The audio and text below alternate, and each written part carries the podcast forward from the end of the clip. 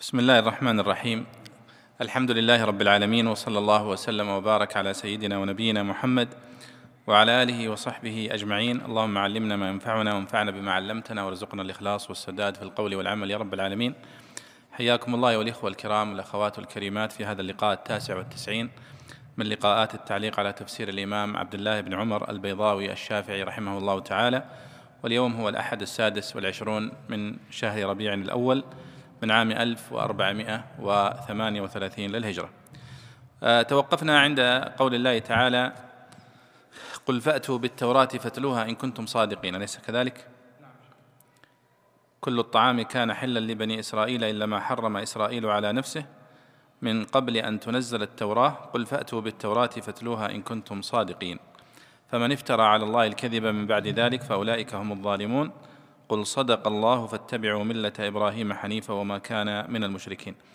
سنبدأ في هذه الآية. فمن افترى على الله الكذب لكن في تعليقا على قول البيضاوي في آخرها قل فأتوا بالتوراة فاتلوها إن كنتم صادقين. قال آه وفيه دليل على نبوته على نبوة النبي صلى الله عليه وسلم أنه عليه الصلاة والسلام آه، رجل أمي لا يقرأ ولا يكتب ولكنه عليه الصلاة والسلام عندما رد عليهم هذه الفرية التي افتروها عندما زعموا أن ما حرمه يعقوب عليه الصلاة والسلام على نفسه من الطعام كما قلنا هو لحوم الإبل وألبانها آه، أنه إنما حرمها اختيارا منه لنفسه لما أصيب به من من مرض عرق النسا آه، ولكن اليهود زعموا أن هذا محرم كان محرما من أيام إبراهيم عليه الصلاة والسلام.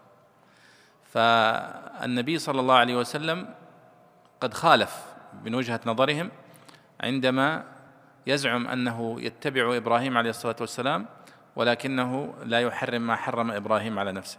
فنزل الوحي بتكذيبهم. قال كل الطعام كان حلا لبني إسرائيل إلا ما حرم إسرائيل على نفسه. هو نفسه حرم على نفسه.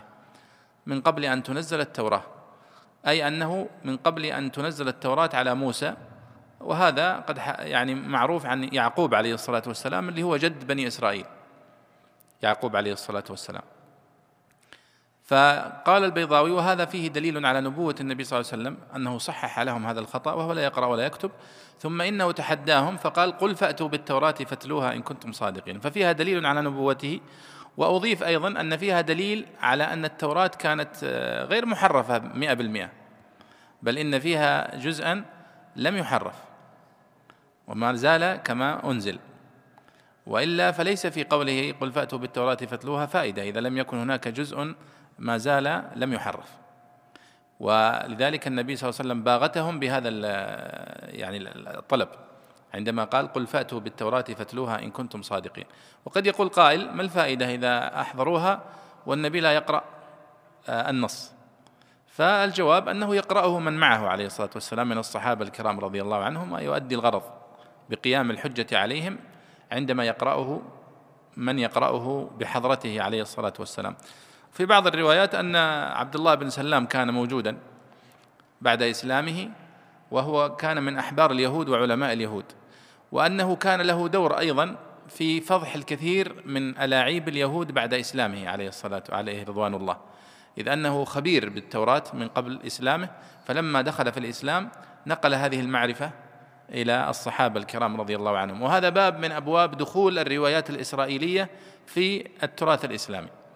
وهذا شيء طبيعي يعني يعتبر شيء طبيعي. عندما أسلم رضي الله عنه أسلم على ما معه من العلم وما معه من الخبرة في التوراة وفي كتبها ومن طرق اليهود وعلماء اليهود وأحبار اليهود في إخفائها وفي التلاعب بها. وفعل مثل ذلك أيضا محمد بن كعب القرظي بعد ذلك ووهب بن منبه اليماني فكلهم كانوا من علماء اليهود قبل إسلامهم رضي الله عنهم أجمعين. نبدأ من قوله تعالى فمن افترى على الله الكذب تفضل يا أحمد. بسم الله الرحمن الرحيم. قال رحمه الله فمن افترى على الله الكذب ابتدعه على الله بزعمه أنه حرم ذلك قبل نزول التوراة على بني إسرائيل ومن قبلهم. من بعد ذلك من بعد ما لزمتهم الحجة. فأولئك هم الظالمون الذين لا ينصفون من أنفسهم ويكابرون الحق بعدما وضح لهم. قل صدق الله تعريض بكذبهم أي ثبت أن الله صادق فيما أنزل وأنتم الكاذبون. فاتبعوا ملة إبراهيم حنيفا أي ملة الإسلام التي هي في الأصل ملة إبراهيم أو مثل ملته حتى تتخلصوا من اليهودية التي اضطرتكم إلى التحريف والمكابرة لتسوية الأغراض الدنيوية وألزمتكم تحريم طيبات أحلها الله لإبراهيم ومن تبعه. وما كان من المشركين فيه إشارة إلى أن اتباعه واجب في التوحيد الصرف والاستقامة في الدين والتجنب عن الإفراط والتفريط وتعريض بشرك اليهود. نعم. يقول الله سبحانه وتعالى آه، فمن افترى على الله الكذب من بعد ذلك فأولئك هم الظالمون. في قوله هنا فمن افترى على الله الكذب افترى أصلا تكفي عن قولك الكذب. فلو قال فمن افترى على الله من بعد ذلك لا أدى المقصود لكنه قال فمن افترى على الله الكذب والافتراء إنما يكون للكذب صح؟ فهذا من باب التأكيد عليهم أنهم يعني كانوا كاذبين في دعواهم التي ادعوها بأن يعقوب أو أن إبراهيم كان يحرم على نفسه هذه المحرمات. قال فمن افترى على الله الكذب أي ابتدعه على الله بزعمه أنه حرم ذلك قبل نزول التوراة على بني إسرائيل ومن قبله. من بعد ذلك أي من بعد ما لزمتهم الحجة. فأولئك هم الظالمون الذين لا ينصفون من أنفسهم ويكابرون الحق بعدما وضح لهم. وهذا كله هو تأكيد لموقف النبي صلى الله عليه وسلم في مناظرته لهؤلاء اليهود.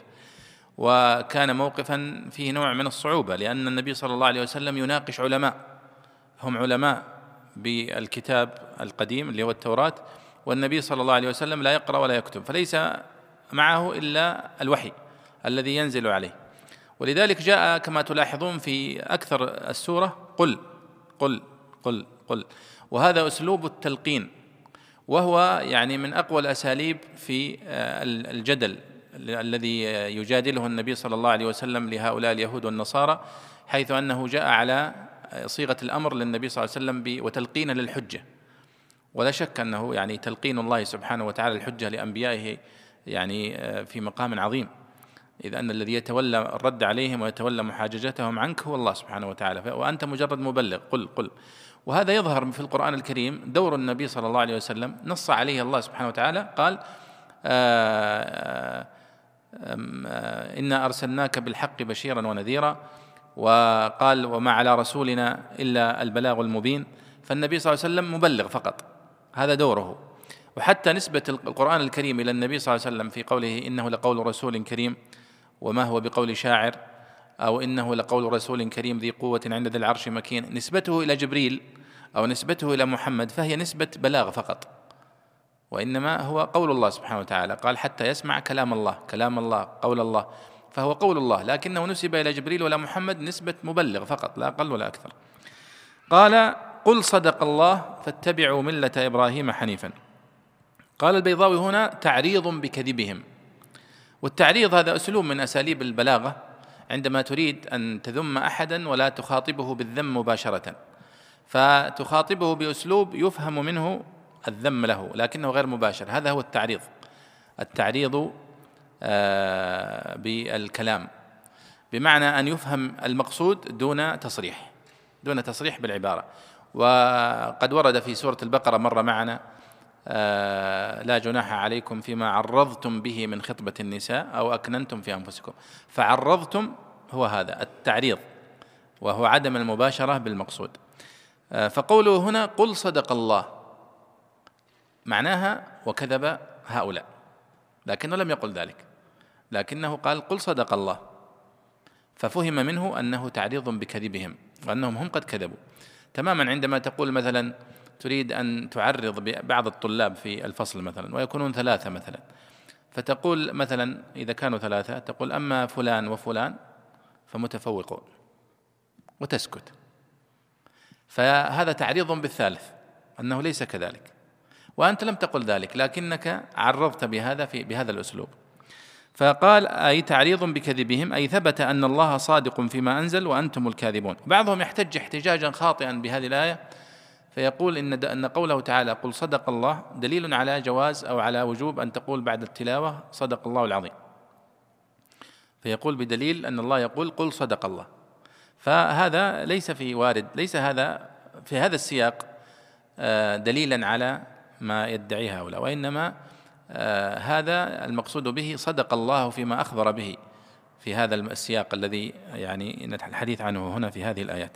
قال فاتبعوا ملة إبراهيم حنيفا. لأن النقاش كما تلاحظون حول إبراهيم. اليهود يقولون نحن أولى به لأنه جد لأنه جد يعقوب صح؟ والمسلمون يرون أنه أنهم أولى به النبي صلى الله عليه وسلم لأنه جد محمد صلى الله عليه وسلم جد إسماعيل أو والد إسماعيل. والنبي هو النبي الوحيد الذي من ذرية إسماعيل بن إبراهيم. وأنبياء بنو إسرائيل هم من ذرية إسحاق.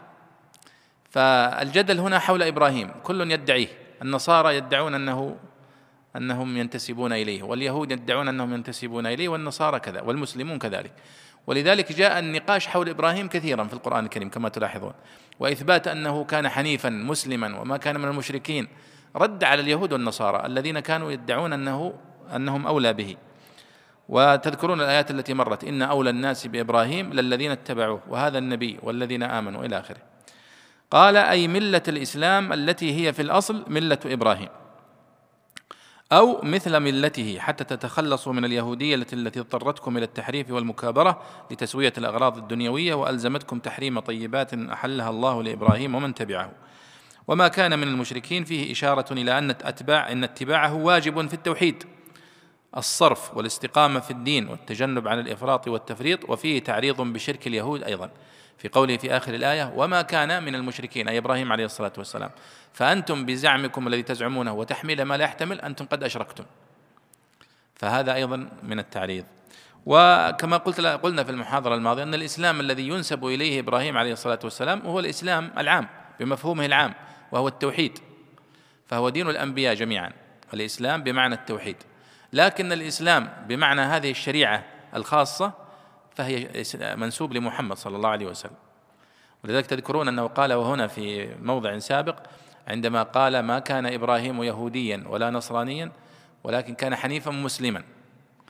وقال آه وما أنزلت التوراة والإنجيل إلا من بعده. فليس ليس يهوديا لأن اليهودية جاءت بعده وليس نصرانيا لأن اليهودية جاءت بعده. وليس مسلما بالمعنى الخاص. لأن محمد جاء بعده أيضا. لكنه مسلم بالمعنى العام اللي هو التوحيد وهذا هو شريعة أو ديانة أو عقيدة جميع الأنبياء عليهم السلام ودعوتهم جميعا. طيب. قال رحمه الله إن أول بيت وضع للناس أي وضع للعبادة وجعل متعبدا لهم والواضع هو الله تعالى ويدل عليه أنه قرئ على البناء للفاعل. للذي ببكة للبيت الذي ببكة وهي لغة في مكة كالنبيط والنميط. وأمر وأمر راتب وراتم ولازب ولازم. وقيل هي موضع المسجد ومكة البلد من بكة إذا زحمة. أو من بكة إذا دقة فإنها تبك أعناق الجبابرة. روي أنه عليه السلام سئل عن أول بيت وضع للناس فقال المسجد الحرام. المسجد الحرام. ثم بيت المقدس وسئل كم بينهما فقال أربعون سنة وقيل أول من بناه إبراهيم ثم هدم فبناه قوم من جرهم ثم العمالقة ثم قريش وقيل هو أول بيت بناه آدم فانطمس في الطوفان ثم بناه إبراهيم وقيل كان في موضعه قبل آدم بيت يقال له الضراح يطوف به الملائكة فلما أهبط آدم وأمر بأن يحجه ويطوف حوله ورفع ورفع في الطوفان إلى السماء الرابعة تطوف به ملائكة السماوات وهو لا يلائم ظاهر الآية. وقيل المراد إنه أول بيت بالشرف لا بالزمان مباركا كثير الخير والنفع لمن حجه واعتمره واعتكف دونه وطاف حوله حال من المستكن في الظرف وهدى للعالمين لأنه قبلتهم قبلتهم ومتعبدهم ولأن فيه آيات عجيبة كما قال فيه آيات بينات. نعم. هذه الآية أيها الإخوة هي رد على اليهود أيضا لأن اليهود عندما حولت القبلة من بيت المقدس إلى الكعبة احتجوا على النبي صلى الله عليه وسلم. وتذكرون في سورة البقرة وقلنا أن هذا كان من الأحداث العظيمة التي يعني آه، أصابت اليهود في مقتل. عندما حول النبي صلى الله عليه وسلم كان يصلي إلى بيت المقدس وتحول إلى الكعبة. فقالوا له لو كنت صادقا في أنك تتبع ملة إبراهيم ما تحولت إلى الكعبة؟ وهي كانت الكعبة أو كان بيت المقدس هو أول بيت آه، وكان هو الذي يتوجه إليه إبراهيم. فأكذبهم الله ورد عليهم بهذه الآية وقال إن أول بيت وضع للناس للذي ببكة. ولم يقل الكعبة كما قال مثلا في سورة المائدة جعل الله الكعبة. قالوا لأن الكعبة كانت سمى مسيلمة ما بناه في صنعاء الكعبة. الكعبة اليمانية كما يقولون. فقالوا أنه قال للذي ببكة حتى يقطع أي شبهة أن المقصود به المسجد الحرام الذي في مكة المكرمة بالذات. هو أول بيت وضع للناس في العبادة. وعلي بن أبي طالب رضي الله عنه في في رواية عنه قال البيوت قبله كثير. يقصد بيوت الناس. بيوت الناس اللي بنوها للعيش والحياة موجودة لكن يقصد أول بيت وضع للعبادة. فمعنى قوله إن أول بيت وضع للناس أي وضع للعبادة. ليس المقصود أنه أول بيت يبنى في الأرض. لا في بيوت الناس الذين سكنوا آدم وسكنوا بنوا بيوت لكن المقصود به أول بيت وضع للناس للعبادة. فهذه الآية تقطع أي احتمالات أن المقصود بأول بيت وضع للناس أي للعبادة وأنه هذه الكعبة الموجودة في مكة. هذه أول بيت وضع في الأرض للعبادة. لم يسبقه أي أي أي مكان يبنى للعبادة. فهي أولية مطلقة. ولذلك الروايات التي ذكرها هنا تردها الرواية الصحيحة لأن الحديث الذي ذكره هنا أن النبي صلى الله عليه وسلم سئل عن أول بيت وضع للناس هذا الحديث في البخاري وهو مروي عن أبي ذر رضي الله عنه أنه يقول سألت النبي صلى الله عليه وسلم أي بيت وضع أول؟ قال المسجد الحرام. قلت ثم أي؟ قال المسجد الأقصى. قلت كم بينهما؟ قال أربعون سنة. هنا النقاش من هو الذي بنى المسجد الحرام؟ الكعبة من هو الذي بناها؟ أول مرة أول واحد وضع بناءه. هناك خلاف كما تلاحظون قيل أنهم الملائكة الذين بنوها وقيل أنه آدم عليه الصلاة والسلام آه، وقيل أول من بناه إبراهيم ثم هدم فبناه قوم من جرهم ثم العمالقة ثم قريش وقيل هو أول بيت بناه آدم فانطمس في آه، الطوفان ثم بناه إبراهيم.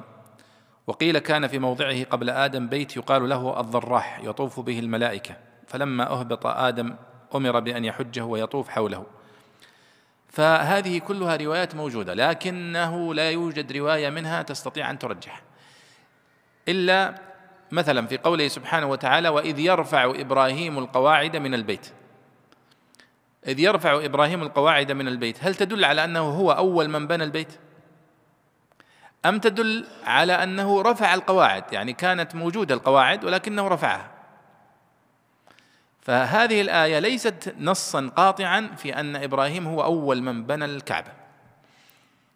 وإنما تحتمل أن يكون هو أول من بناه أو أنه فقط رفع الأسس يعني كان موجودا قبله لكنها انطمست هذه الآثار فأعاد بناء هذه القواعد. وإذ يرفع إبراهيم القواعد. شوفوا حتى التعبير سبحان الله. ما قال وإذ يبني إبراهيم البيت. لا قال وإذ يرفع إبراهيم القواعد من البيت.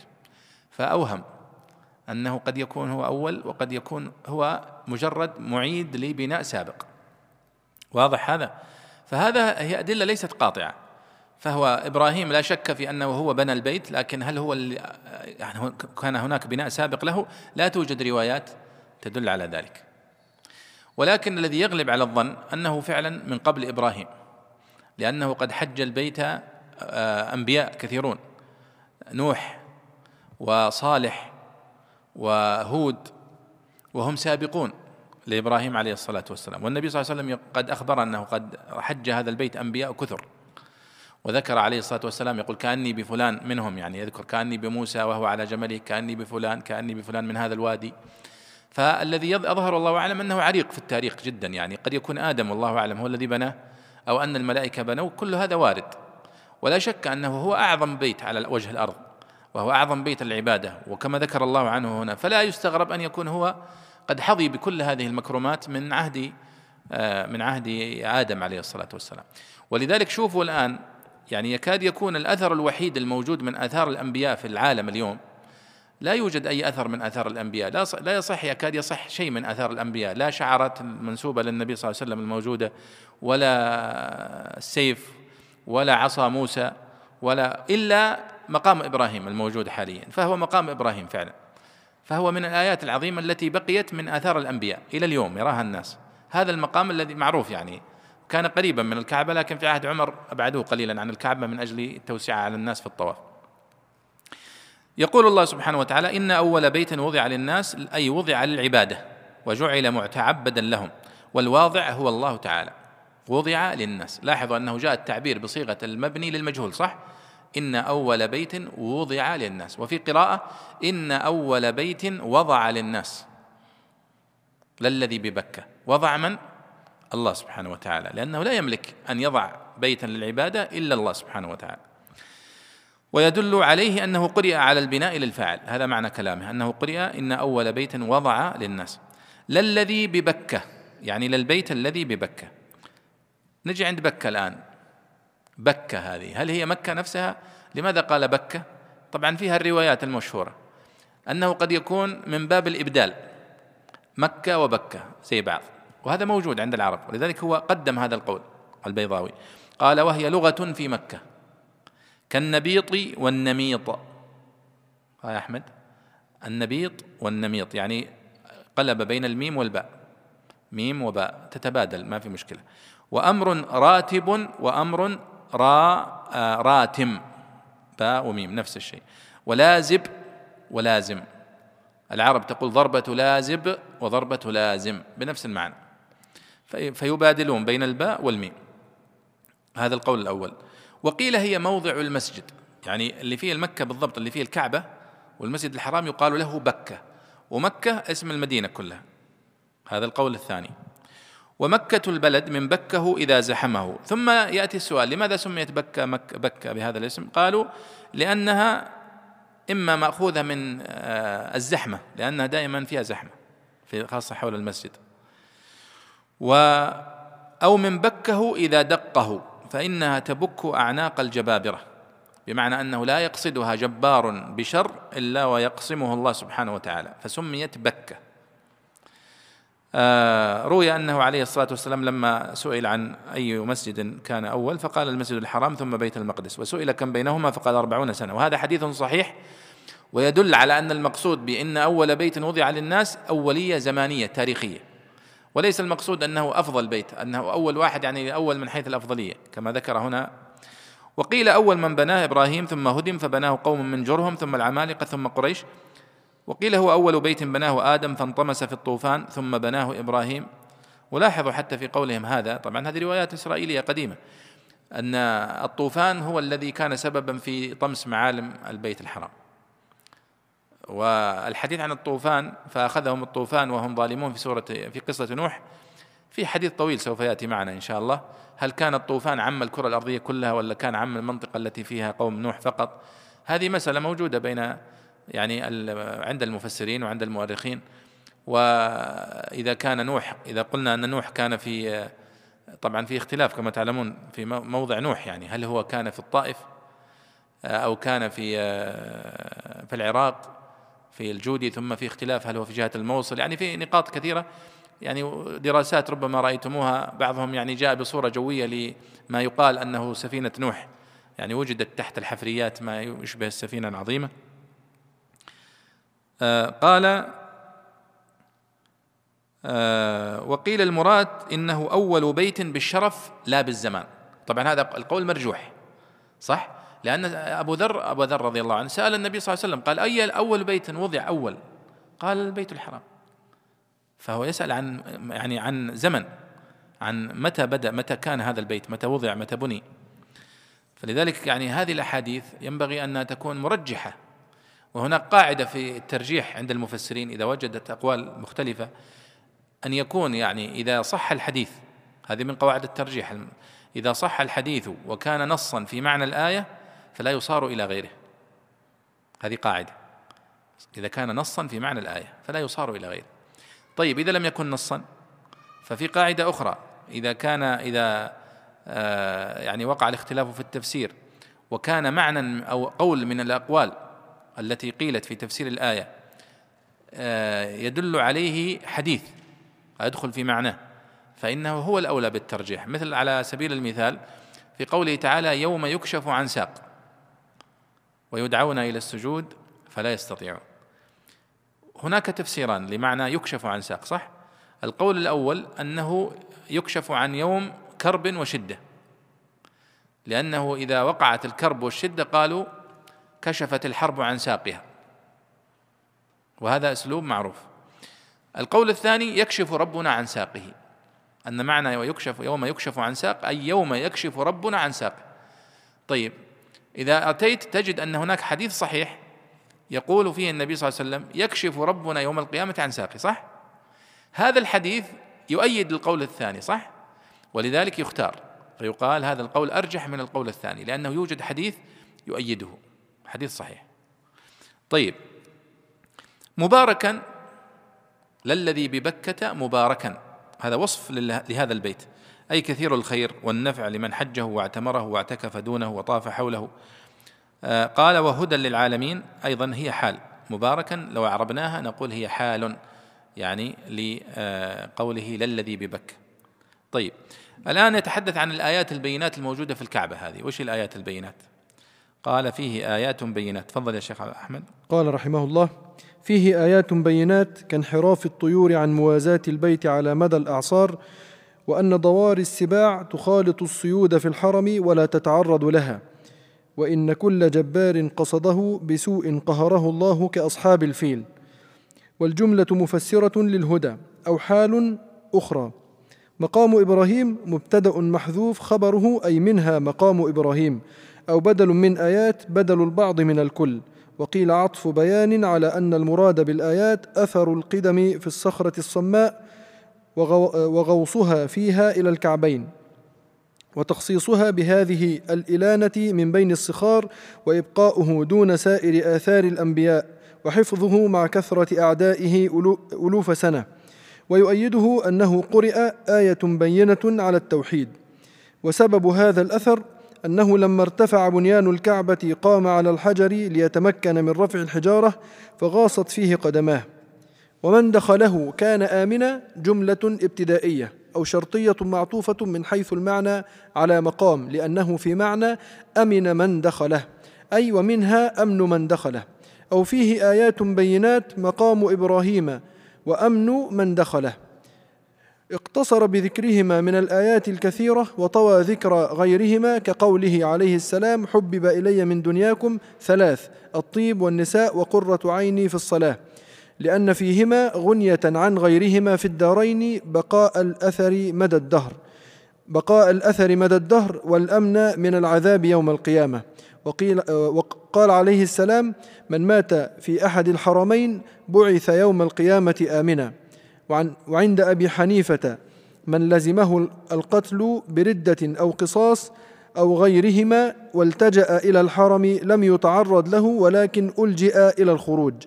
ولله على الناس حج البيت قصده للزيارة على وجه المخ قصده للزيارة على الوجه المخصوص. وقرأ حمزة والكسائي وعاصم في رواية حفص حج بالكسر وهو لغة نجد.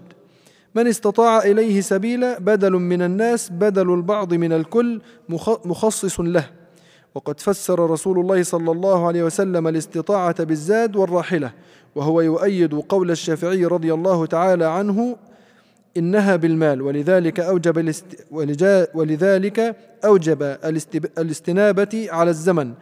إذا وجد أجر على الزمن الزمن يعني المريض المزمن على الزمن؟ نعم. أحسن الله إليك يا شيخنا. ولذلك أوجب الاستنابة على الزمن إذا وجد أجرة من ينوب عنه. وقال مالك رحمه الله تعالى إنها بالبدن فيجب على من قدر على المشي والكسب في الطريق.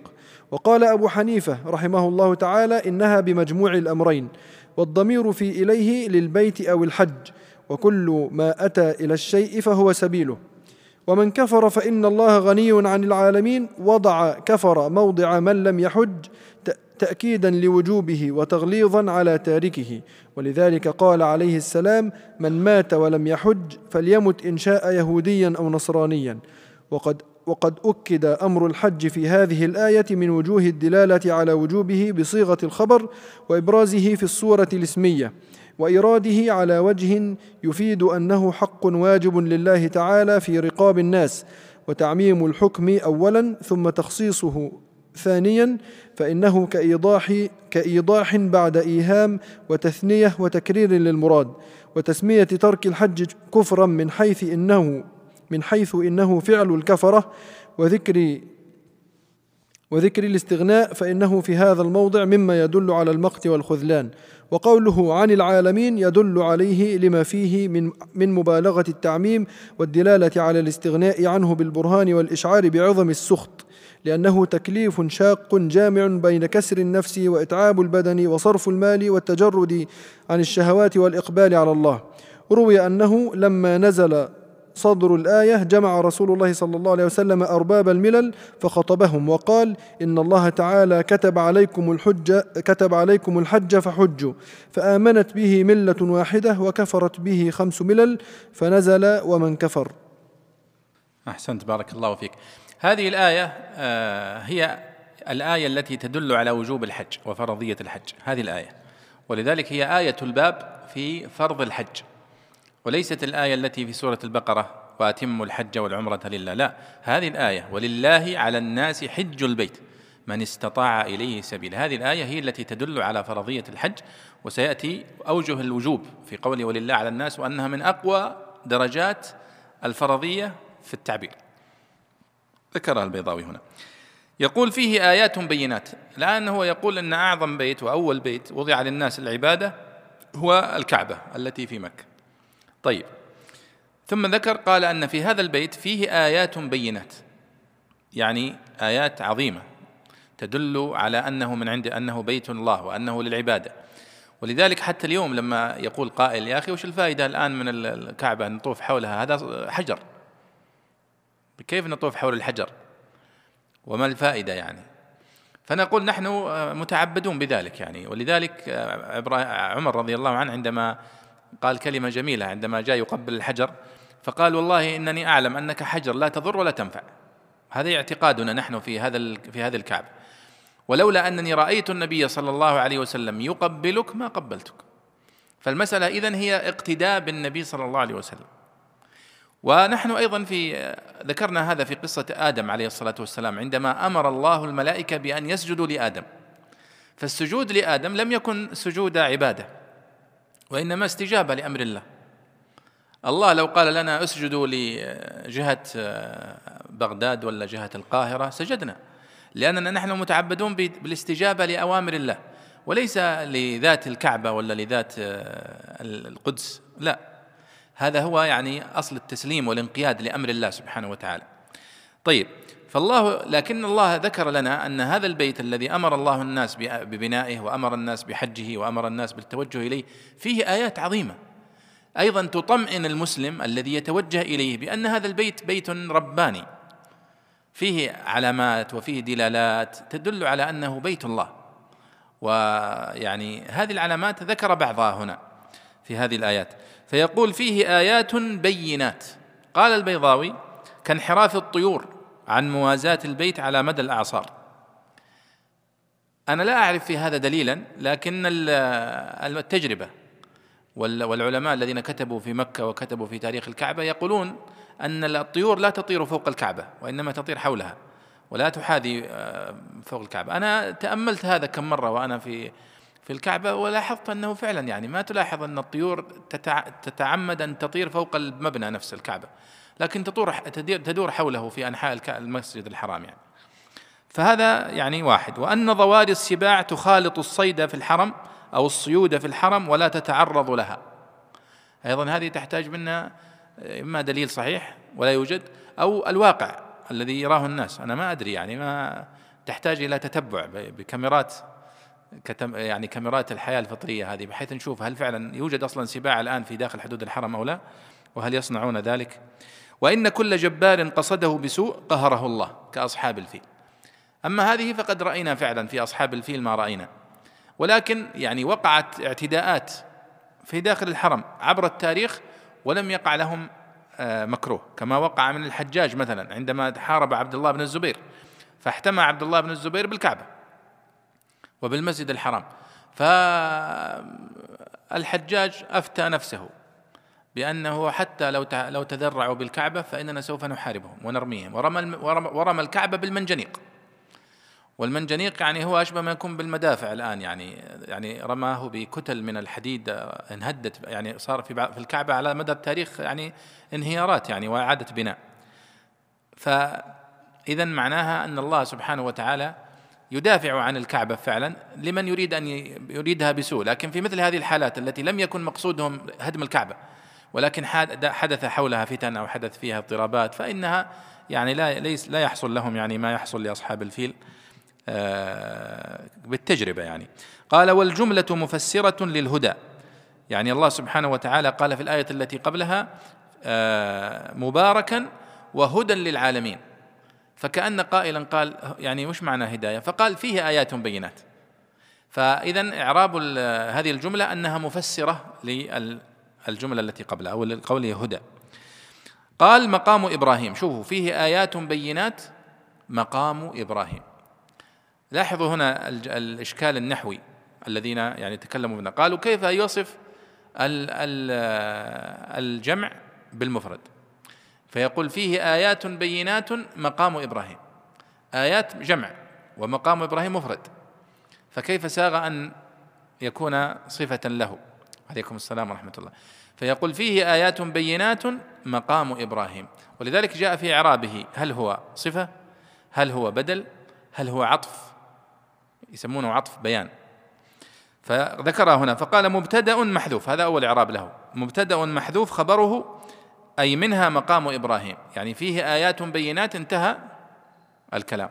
ثم قال منها يعني من هذه الآيات البينات مقام إبراهيم. فإذا هو خبر أو مبتدأ محذوف خبره. أو الإعراب الثاني أو بدل من آيات. بدل البعض من الكل. يعني فيه آيات بينات مقام إبراهيم. كأنك قلت فيه مقام إبراهيم. لأن البدل هو الذي لو حذفت المبدل منه وأقمت البدل مقامه لاستقام الكلام. فلو قلت مثلا دخل محمد آه، آه، الطالب. فالطالب هنا صفة له بدل. فلو قلت دخل الطالب لاستقام الكلام. لكن عطف البيان هو الذي يكون فيه العطف المقصود به بيان الحال بيان صفته أو نعته. مثلا تقول مثلا أحببت منصورا خلقه. فهذا عطف بيان.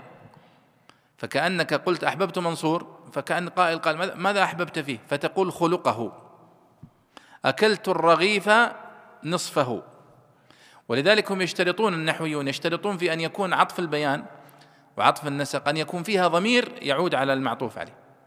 فإذا قلت أحببت محمدا خلقه الضمير في قوله خلقه يعود على محمد.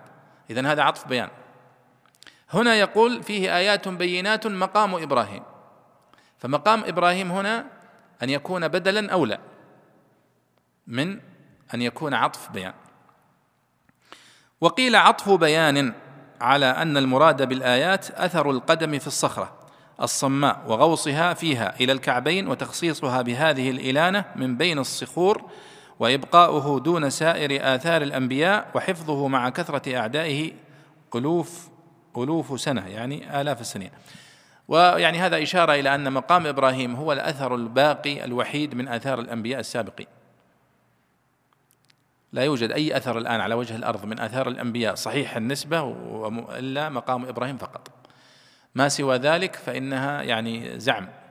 آه، شعارة النبي صلى الله عليه وسلم التي في المتاحف في تركيا وفي غيرها هذه ليست يعني ليست دقيقة في أنها آثار منسوبة للنبي صلى الله عليه وسلم. أما مقام إبراهيم فهو أثر منسوب لإبراهيم الخليل عليه الصلاة والسلام مئة بالمئة. وهذا الحجر هو الذي كان وقف عليه إبراهيم عليه الصلاة والسلام لما است يعني ارتفع بناء البيت وأراد أن يعني يستخدمه في البناء. يعني أشبه ما يكون بالخشب الصقايل اللي يسوونها اليوم في البناء هو مقام إبراهيم بالضبط. لكن طبعا بعضهم يذكر بعض التفاصيل عن المقام وأنه كان يتحرك وكان يرتفع بإبراهيم. وهذا وارد. هذا وارد. يعني لا الله سبحانه وتعالى على كل شيء قدير. وإبراهيم عليه الصلاة والسلام كان طويلا بالمناسبة ويعني كان الأجسام الناس في زمان إبراهيم ليسوا كزماننا اليوم. يعني كانوا أكثر طولا. لذلك آدم عليه الصلاة والسلام كان طوله 33 قدم صح؟ يعني تقريبا كم تجي بالمتر؟ يعني حوالي يمكن 11 متر ولا؟ ها؟ يعني ثلاثة أدوار تقريبا. لكن النبي صلى الله عليه وسلم قال وما زال الخلق ينقص حتى اليوم يعني. ولذلك آثار العماليق الآن والموجودة مثلا على سبيل المثال الأهرام و آه، الأعمدة اللي موجودة في تدمر في سوريا اللي يمكنكم شفتوها الضخمة هذه يعني ليس لا يستغرب أن يبنيها الناس لأن الناس كانوا كبار في في الحجم جدا يعني. يعني نحن بالنسبة لهم أقزام. لكننا نحن عندما نقيسها على أحجامنا اليوم ما نستطيع أن نبني هذه المباني. ولذلك في قصة قوم صالح أنهم قالوا وينحتون الجبال بيوتا لأن يعني أجسامهم ضخمة جدا وعندهم إمكانيات ضخمة مقارنة بمن بعده. آه قال ويؤيده أنه قرئ آية بينة على التوحيد. طبعا هو يقول هنا وقيل عطف بيان على أن المراد بالآيات أثر القدم في الصخرة. ماذا يريد البيضاوي أن يقول؟ لذلك أنا دائما أقول لكم يا شباب إتقان النحو مهم حتى تفهم هذا الكلام. يعني يقول هو عطف بيان على أن المراد بالآيات أثر القدم. ماذا يريد أن يقول؟ يريد أن يفرق بين البدل وعطف البيان. وأن البدل قد يكون بدل كل من كل صح؟ أو بدل بعض من كل. فمثلا هنا أو بدل اشتمال. فبدل البعض من الكل هنا فيه آيات بينات مقام إبراهيم. مقام إبراهيم هو واحد من الآيات البينات صح؟ فإذا مقام إبراهيم هو بعض من الآيات البينات. فهو عطف عفوا بدل كل بعض من كل. طيب كويس.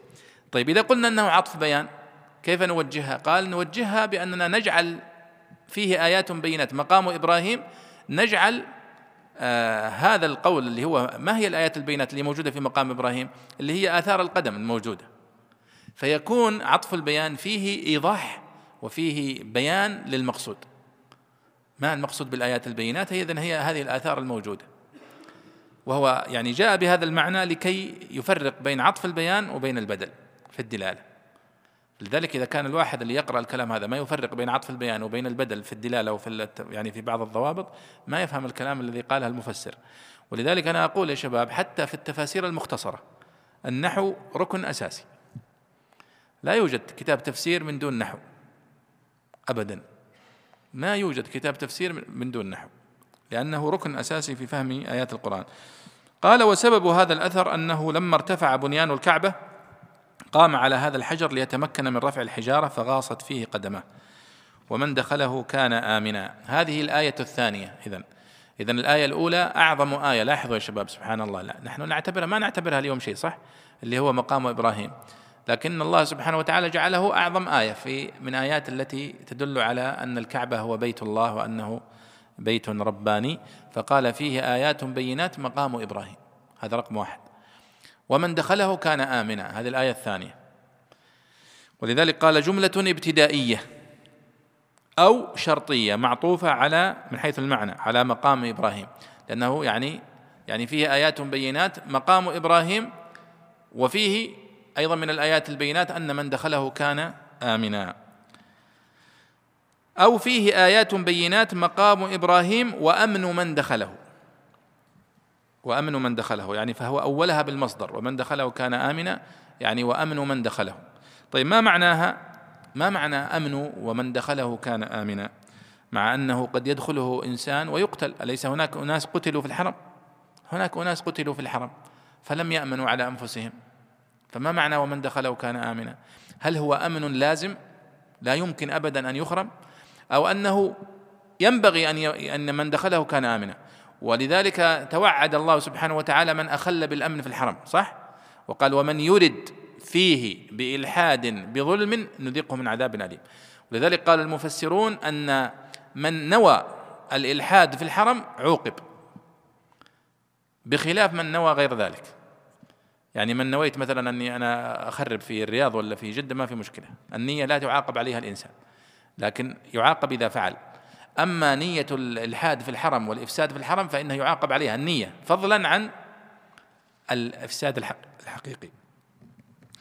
قال البيضاوي اقتصر بذكرهما من الآيات الكثيرة وطوى ذكر غيرهما. يقول البيضاوي أن الآيات كثيرة في الكعبة لكنه ذكر فقط مقام إبراهيم وذكر الأمن لأهميتهما وطوى غيرهما. تماما كما قال النبي صلى الله عليه وسلم في الحديث حبب إلي من دنياكم ثلاث الطيب والنساء وقرة وجعلت قرة عيني في الصلاة. طيب هل ما ما حبب للنبي صلى الله عليه وسلم من هذه الأشياء الثلاثة؟ لا حبب له أشياء كثيرة لكن هذه الثلاثة ذكرها فقط لأهميتها. فكذلك في هذه الآيات قال فيه آيات بينات كثيرة لكنه مقام إبراهيم ومن دخله كان آمنا مهمة فنص عليها. ولذلك البيضاوي بدأ كما لاحظتم أنه قال منها عدم موازاة الطيور ومنها آه، عدم أكل الوحوش يعني أشياء كثيرة. وذكر الفاكهي في تاريخ مكة والأزرقي في تاريخ مكة. ذكروا آيات كثيرة. لكن السؤال هل هي فعلا حقيقية أو لا؟ أحيانا الذين يكتبون في مثل هذه الأشياء يبالغون في ذكر يعني الفضائل والآيات. وهذه قضايا لا تثبت إلا بأدلة شرعية أو بالتجربة. فإذا ثبتت بدليل شرعي أو ثبتت بالتجربة فقلنا بها. أما مجرد التزيد يعني فلا ينبغي. وهذا يعني ما يعطي يعني المسلم والسني يعطيه توازن فنحن نعظم مكة تعظيما شديدا لكننا لا نبالغ في ذلك. وإنما نلتزم بما ورد فقط. بخلاف مثلا على سبيل المثال آه الذين يعظمون النجف أو كربلاء. مع أنها ليست معظمة بأي معنى من المعاني. لكن انظر إلى ماذا يقولون في في فضائلها. مبالغات. حتى ما يقبلها العقل الذي لا يعرف شيئا. يعني فيها مبالغات. أن من زار كربلاء فكأنما زار كعبة زارها ألف مرة. يعني كلام يعني غير مقبول عقلا. قال اقتصر بذكرهما إلى آخره. قال لأن فيهما غنية عن غيرهما في الدارين. بقاء الأثر من الدهر إلى آخره. ثم ذكر حديثا قال عليه السلام من مات في أحد الحرمين بعث يوم القيامة آمنا. وهذا حديث ضعيف وباطل. وهذا يعني يؤخذ على الإمام البيضاوي رحمه الله استشهاده ببعض الأحاديث الضعيفة. وهو في الحقيقة مقلد للكشاف في هذه الأحاديث. فالزمخشري سامحه الله يعني أخذ هذه الأحاديث الضعيفة من بعض الكتب المتقدمة مثل كتاب الثعلبي ونقله. دون تحرير لها. وهذا مهم جدا يا شباب أننا نتنبه له في كتب التفسير. بعض الأئمة إمام كبير عالم جليل في الفقه وفي أصول الفقه وفي البلاغة مثلا مثل الزمخشري لكنه قليل البضاعة في الحديث. فلذلك يتنبه لهذا ولا يطعن هذا فيهم لأننا يعني العلم بحر وواسع والإحاطة متعذرة والإحاطة متعذرة. لكن يعني ينبه إلى مثل هذه الأخطاء. قال وعند أبي حنيفة من لزمه القتل بردة أو قصاص أو غيرهما والتجأ إلى الحرم لم يتعرض له ولكن ألجئ إلى الخروج. وهذا قول نسب إلى الإمام أبي حنيفة يقول أن من يعني لزمه حد أو قصاص أو غير ذلك ثم لجأ إلى الحرم فإنه لا يقام عليه الحد ولا حد الردة في مكة. لأنه يعني مكان لاذ به والتجأ إليه ولا يجوز إخافته فيه. ولكنه يحتال عليه حتى يخرج خارج الحرم ثم يلقى القبض عليه وينفذ فيه الحكم. لكن طبعا لم يوافق أبو حنيفة على هذا لأن هذا سوف يؤدي إلى الفوضى صح ولا لا؟ يعني كل من يقتل أحدا يقول أنا سأقتله وأذهب إلى مكة ويفرجها الله. لا صارت فوضى ولكن نحن يقبض عليه وينفذ عليه الحكم أينما كان. ولذلك النبي صلى الله عليه وسلم عندما قال اقتلوه ولو كان متعلقا بأستار الكعبة بحيث لأنه قد يعني حارب الله ورسوله فيقتص منه مهما كان. قال ولله على الناس حج البيت. هذه الآية هي التي تدل على وجوب الحج وقبلها ما كان واجبا. ولله على الناس حج البيت من استطاع إليه سبيلا. شوفوا الآن الآية وكيف يتكلم البيضاوي عن كيف تدل هذه الآية على وجوب الحج. من أكثر من وجه. فيقول اولا قال حج البيت قصده للزيارة على الوجه المخصوص. يعني هذا هو الحج تعريف الحج شرعا هو قصد البيت الحرام على وجه مخصوص أنك تأتي إليه محرما صح؟ ملبيا. ومواقيت الإحرام معروفة صح؟ الزمانية. لو تروح تحج في شعبان تمشي الأمور؟ ما تمشي الأمور. تحج في رجب؟ ما تمشي. ولا يقبل منك الإهلال بالحج في هذا الوقت. وإنما تبدأ أشهر الحج من شوال صح؟ شوال وذو الحجة. يعني لو جئت في 29 رمضان وأهللت بالحج ما يقبل. فلو جاء في واحد شوال وقلت لبيك اللهم حجا ودخلت مكة محرم. تجلس في مكة إلى يوم ثمانية ذي الحجة. ماشي ما في مشكلة. فهذه أشهر الحج. فإذا لها مواقيت زمانية ولها مواقيت مكانية صح؟ لذلك أنت معروف الآن لما تأتي من غير مثلا نروح جدة مثلا قالوا جدة ليست ميقات. ماذا نصنع؟ لا تحرم في الطائرة أو تحرم في السفينة قبل أن تصل إلى جدة. وجدة ليست ميقاتا إلا لأهلها. إذا هذه المقصود بقوله على وجه مخصوص معناته أنك محرم وملبي وفي وقت محدد. ثم إذا أتيت ماذا تصنع؟ كيف تطوف؟ كيف تسعى؟ كيف ترمي؟ كيف تقف؟ هذه هي المقصود بها على وجه مخصوص. وهذا يشير البيضاوي بقوله هذا إلى أن الحج له معنى لغوي وله معنى شرعي. المقصود به هنا ولله على الناس حج البيت هذا المقصود الشرعي. طيب الحج قبل أن ينزل القرآن وش كان معناه؟ قالوا الحج كان المقصود به قبل نزول الوحي القصد إلى معظم. لما تروح عند ملك من الملوك تقول أنا سأحج إلى فلان. يعني سأذهب إليه قاصدا وهو شخص معظم. ما هو بي واحد؟ يقال حج اليه لا وإنما يحجون سب الزبرقان المعظمة كما يقول الشاعر. يعني يأتون إلى الناس الكبار الناس اللي هم يعني يعني لهم مكانة. فلما جاء الإسلام شوفوا كيف خصص الدلالة. ما صار قصد المعظم مطلقا يسمى حجا وإنما قصد بيت الله الحرام فقط. الذي يقال له حج. ولذلك إذا قالوا فلان حجيت؟ ماذا يقصدون به؟ يعني الحج إلى مكة. ويسمون الحاج فلان يقصد الحج مكة. واختفى تماما المعنى اللغوي. وأصبح المعنى الموجود هو المعنى الشرعي. ولذلك شوفوا في التغير الدلالي هو كيف أنه تتغير الدلالة بحيث يصبح الذي انتقال المنتقل إليه هو المشهور الذي يتبادر إلى الذهن ويختفي تماما المقصود الأول. وأذكر أنني قرأت في كلام أبي عبيدة معمر بن المثنى أظنه في شرح المعلق في شرح النقائض له أنه يقول كان الحج قبل في الجاهلية هو هو القصد مطلقا ثم أصبح قبل الإسلام الحج إلى معظم القصد إلى معظم ثم هو في, في الإسلام الحج إلى بيت الله الحرام. فيعني أعطانا نموذج ممتاز جدا للتطور الدلالي وما يسمى المعجم التاريخي. يعني المفردة هذه وش كانت تستخدم فيه؟ ثم مع الزمن تطورت تصورت حتى أصبحت بالمعنى الذي نستخدمه اليوم.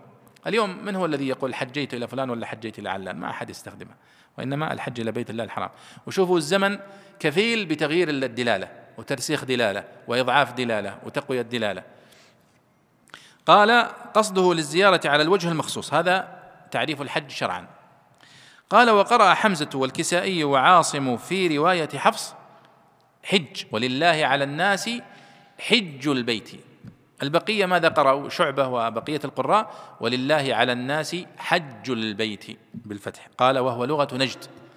لغة نجد يعني تطلق على لغة بني تميم وقبائل بكر بني حنيفة وغيرها. هذه تسمى لهجة, لهجة نجد العالية. فإذا هم يقولون حج بالفتح. ونحن نقول حج بالكسر وكلاهما صحيح. وجاء القرآن بهما. ولله على الناس حج البيت وحج البيت. من استطاع إليه سبيلا. وشو إعرابها هذه من استطاع إليه سبيلا؟ ولله على الناس حج البيت من استطاع إليه سبيلا. بدل بعض من كل أحسنت.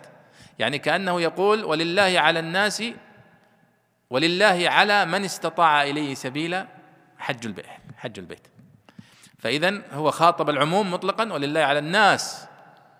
ثم وحتى في أول سورة الحج سورة الحج. أول آية فيها وش هي؟ يا أيها الناس اعبدوا ربكم صح؟ ولا يا أيها الناس اتقوا ربكم؟ نعم. فبدأها بيا أيها الناس. حديث عن الحج. فالحج يعني جاء الخطاب به عالميا جدا. آه وقال الله عندما قال لإبراهيم عليه الصلاة والسلام وأذن في الناس بالحج يأتوك رجالا وعلى كل ضامر. فالحج هو عبادة عالمية. وتلاحظون اليوم كيف فعلا رجعت العالمية للحج بشكل أكبر ولله الحمد. ولا تزاد يعني مهما كانت التوسعة في الحرم ستبقى الزحم الزحام أكثر. لأن رغبة الناس تتزايد ومعرفة الناس تزيد. والإعلام اليوم ينقل آه، مشاعر الحج بشكل عالمي اليوم صح؟ أصبح نقل مباشر الآن حتى في السي إن إن والقنوات العالمية تنقل هذا الحدث. فتعيده مرة أخرى إلى الهدف منه وهو العالمية ونقل هذه الشعائر ونقل هذه التفاصيل إلى العالم أجمع حتى يراها المسلم وغير المسلم وربما تكون سببا بل كانت سببا في إسلام غير المسلمين. فإذا من استطاع إليه سبيلا قال بدل من الناس بدل البعض من الكل مخصص له.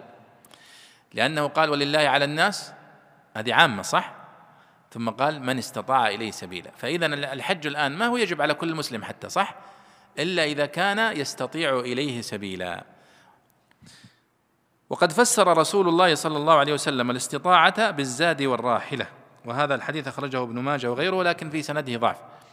لكن معناه صحيح وهو يؤيد قول الشافعي رضي الله عنه آه إنها بالمال يعني الاستطاعة تكون بماذا؟ تكون بالمال. هذا كلام الشافعي. يعني قال من ملك المال يعني الزاد والراحلة فقد وجب عليه الحج. ولذلك أوجب الاستنابة على الزمن إذا وجد أجرة من ينوب عنه. والزمن يا شيخ أحمد هو اللي عنده إعاقة مزمنة مرض مزمن. يقال له زمن. إما أن مشلول إما أن مريض مرض لا يرجى برؤه لا يستطيع معه الحج. طيب هذا لا يستطيع إليه سبيله صح؟ لكن الشافعي لأنه يرى أن الاستطاعة هي مالية فيقول هذا لابد أنه يدفع آه لواحد يحج عنه.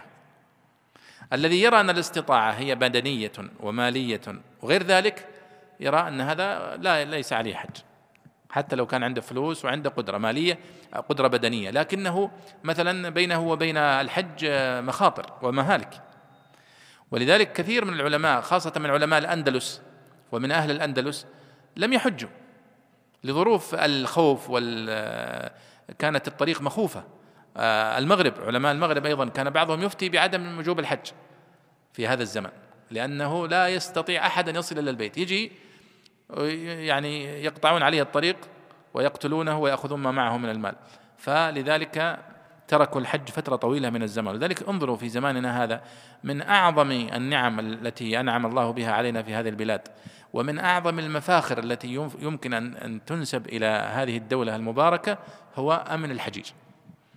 لاحظوا اليوم هل أحد منكم الآن يا شباب يعني يرى أي خوف لمن قصد البيت الحرام؟ ما في خاصة عموم الناس. من أراد أن يذهب ليأتي كما قال النبي صلى الله عليه وسلم يسير الإنسان بمفرده بسيارته وبإذن الله سبحانه وتعالى ما يصيبه سوء. فهذه نعمة عظيمة. ولو تقرؤون يا شباب في كتب التاريخ ستلاحظون أن من, أعظم المصائب التي كانت تمر بالأمة عدم قدرة الناس على الحج. ولذلك في تاريخ البداية والنهاية لابن كثير اقرأوا فيه. ثم دخلت سنة كذا وكذا. قال ولم يحج أحد من أهل هذه البلاد في تلك السنة. ولم يحج أحد من أهل العراق في هذه السنة. ولم يحج أحد من أهل المغرب في هذه السنة. ولم يحج أحد من أهل مصر في هذه السنة. وكثيرة كثيرة كثيرة. في آخر كل أخبار سنة من السنوات يذكر هذه اللازمة. ولم يحج أحد ولم يستطع أحد الحج ولم يستطع أحد الحج. ولكثرة القتل وكثرة يعني خوف الطريق وإلى آخره. قال من استطاع إليه سبيلا قال آه، وقال مالك رحمه الله تعالى إنها بالبدن يعني الاستطاعة بالبدن. فيجب على من قدر على المشي والكسب في الطريق. وقال أبو حنيفة رحمه الله تعالى إنها بمجموع الأمرين والصحيح هو أنها بمجموع الأمرين وزيادة. فمن كان يملك المال ويملك القدرة البدنية ويمكنه الوصول إلى البيت الحرام يعني افرض الآن أن عندك آه، قدرة الآن أنك تذهب عندك فلوس وعندك صحة طيبة ولكنك ممنوع من الدخول إلى السعودية لأي سبب من الأسباب؟ ما يجب عليك إذا إذا هناك شيء ثالث يحول بينك وبين الوصول صح؟ قد يكون مثلا آه، أسباب آه، جغرافية أسباب أمنية أسباب اقتصادية. الهدف الله سبحانه وتعالى قال من استطاع إليه سبيلا ولم يحدد. فكل ما يحول بين الإنسان وبين هذا السبيل وبين الوصول إليه سواء كان ماليا أو بدنيا أو غير ذلك فهو معذور. فهو معذور في ذلك. قال والضمير في إليه للبيت أو الحج وكل ما أتى إلى الشيء فهو سبيله. يعني ومن استطاع إليه من استطاع إلى الحج صحيح. من استطاع إلى البيت صحيح. فالضمير يعود عليهما. وهذا من أسباب كما ذكرت لكم في أكثر موضع من أسباب اختلاف المفسرين عود الضمير. من استطاع إليه سبيلا. الضمير في إليه وين يعود؟ إلى البيت أو إلى الحج. هذا احتمال هذا وهذا. أول مذكور إلى البيت ممكن. إلى الحج لأنه يتكلم عن الشعيرة ممكن. آه، هذا سؤال حول الآية التي نتحدث عنها. يقول آه، السائل يقول فيه آيات بينات. هذه الآيات آيات على ماذا؟ سؤال وجيه. أحسنت. في قوله سبحانه وتعالى فيه آيات بينات. آيات على ماذا؟ يعني آيات بينات آيات معناها أنها علامات ظاهرة ودالة. دالة على ماذا؟ دالة على كل ما ذكر الأخ يقول آيات على آيات على وجود البيت الأول أو آيات على هداية الناس أو آيات على شرف البيت وفضله. كل هذا آيات تدل على أن هذا البيت بيت وضع للعبادة فيه طمأنينة وفيه أمن وكل من قصده بسوء يعني يعني أهلكه الله. وحتى الحيوانات تأمن فيه. والنبي صلى الله عليه وسلم قد جعله حرما آمنا صح؟ وقال النبي صلى الله عليه وسلم قال الله أولم يروا أنا جعلنا لهم حرما آمنا ويتخطف الناس من حوله؟ ولا يكفي هذا دلالة على أن الله سبحانه وتعالى آه، يعني في بعثه للنبي صلى الله عليه وسلم في إرساله للرسل فيما ذكر من الآيات فيما أمر به من التوحيد أنه يجب أن اتباع كل هذا؟ ماذا يريدون يكثر من هذه الآيات؟ فهذه الآيات المقصود بها الدلالة على كل هذا على صدق النبي صلى الله عليه وسلم وعلى أن هذا البيت بيت للعبادة وعلى صدق ما جاءت به الأنبياء عليهم الصلاة والسلام من إبراهيم إلى من كل الأنبياء عليهم الصلاة والسلام. فهي آيات تدل على ذلك كله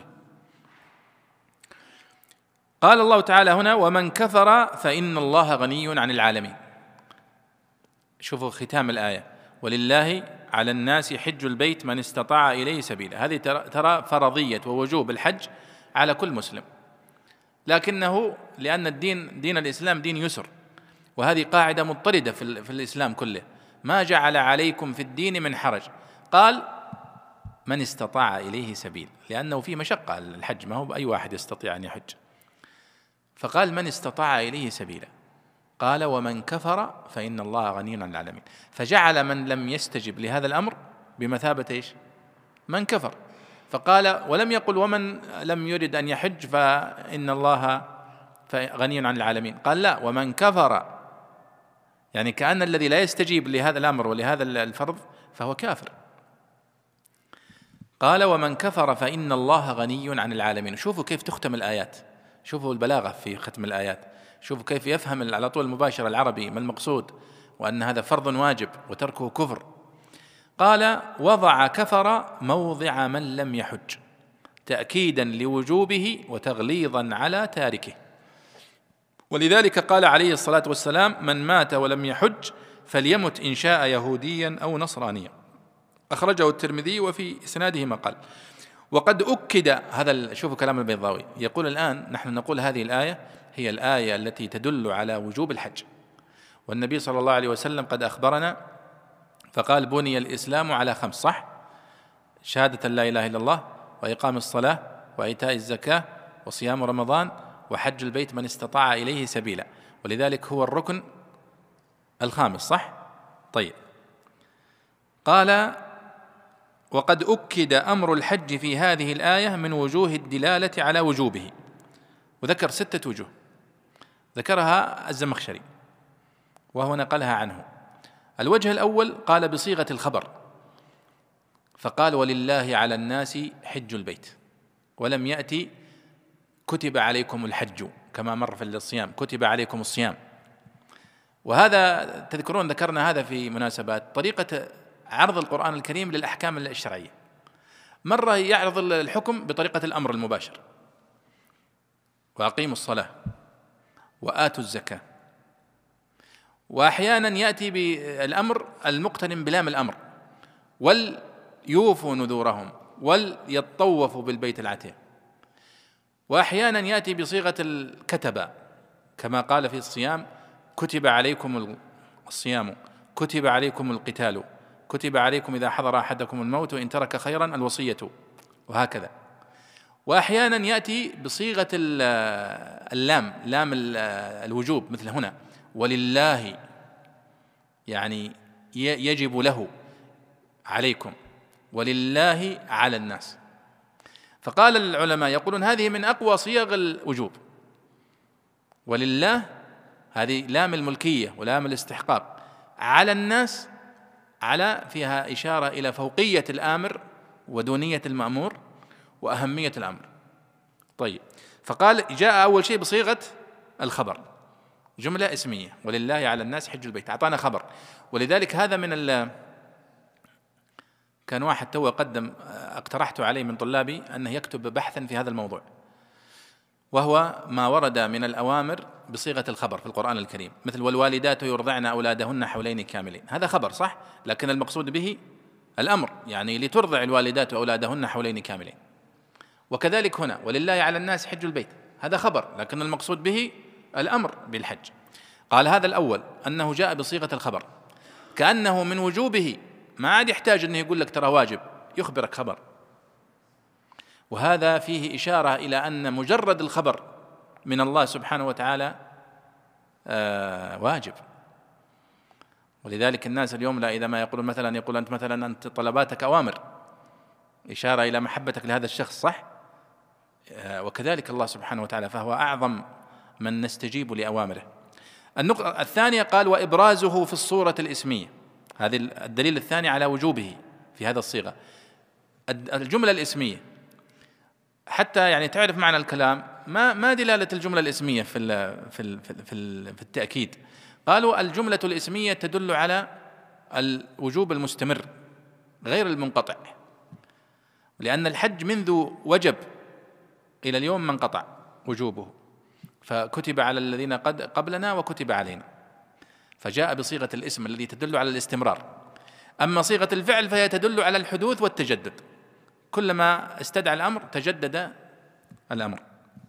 ثلاثة قال وإيراده على وجه يفيد أنه حق واجب لله تعالى في رقاب الناس ولله على الناس. أربعة وتعميم الحكم أولا. ثم تخصيصه ثانيا فإنه كإيضاح بعد إبهام بعد إيهام وتثنية وتكرير للمراد. يعني ماذا يقصد؟ يقول أنه قال ولله على الناس حج البيت.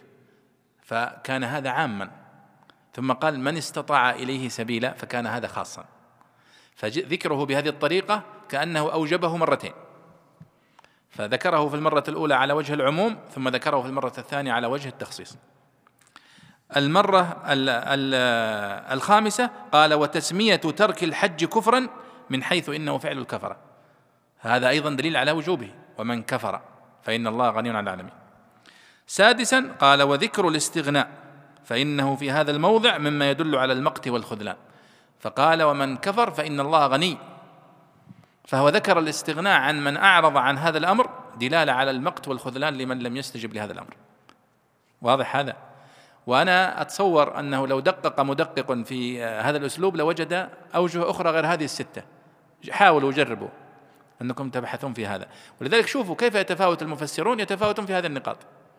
في قدرتهم على استخراج مثل هذه الأوجه في آه، استخراجهم أدلة أخرى في جمعهم للآيات الأخرى التي وردت في الحج في هذا الموضع والنقاش حولها.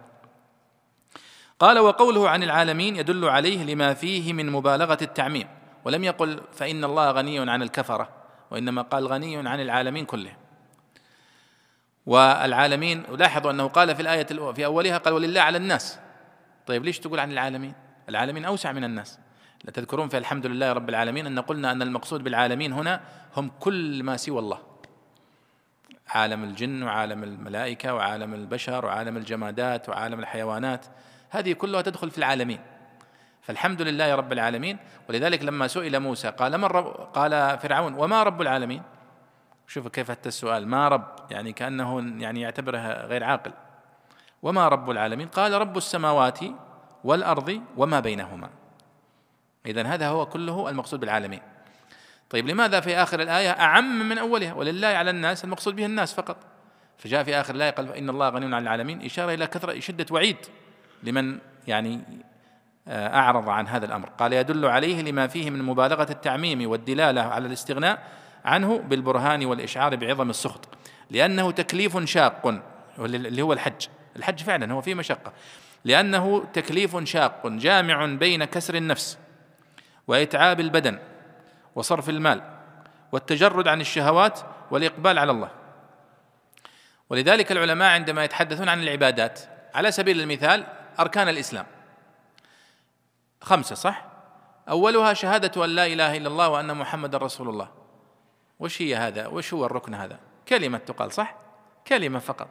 فهي بالرغم من أنها أعظم أركان الإسلام إلا أنها كلمة.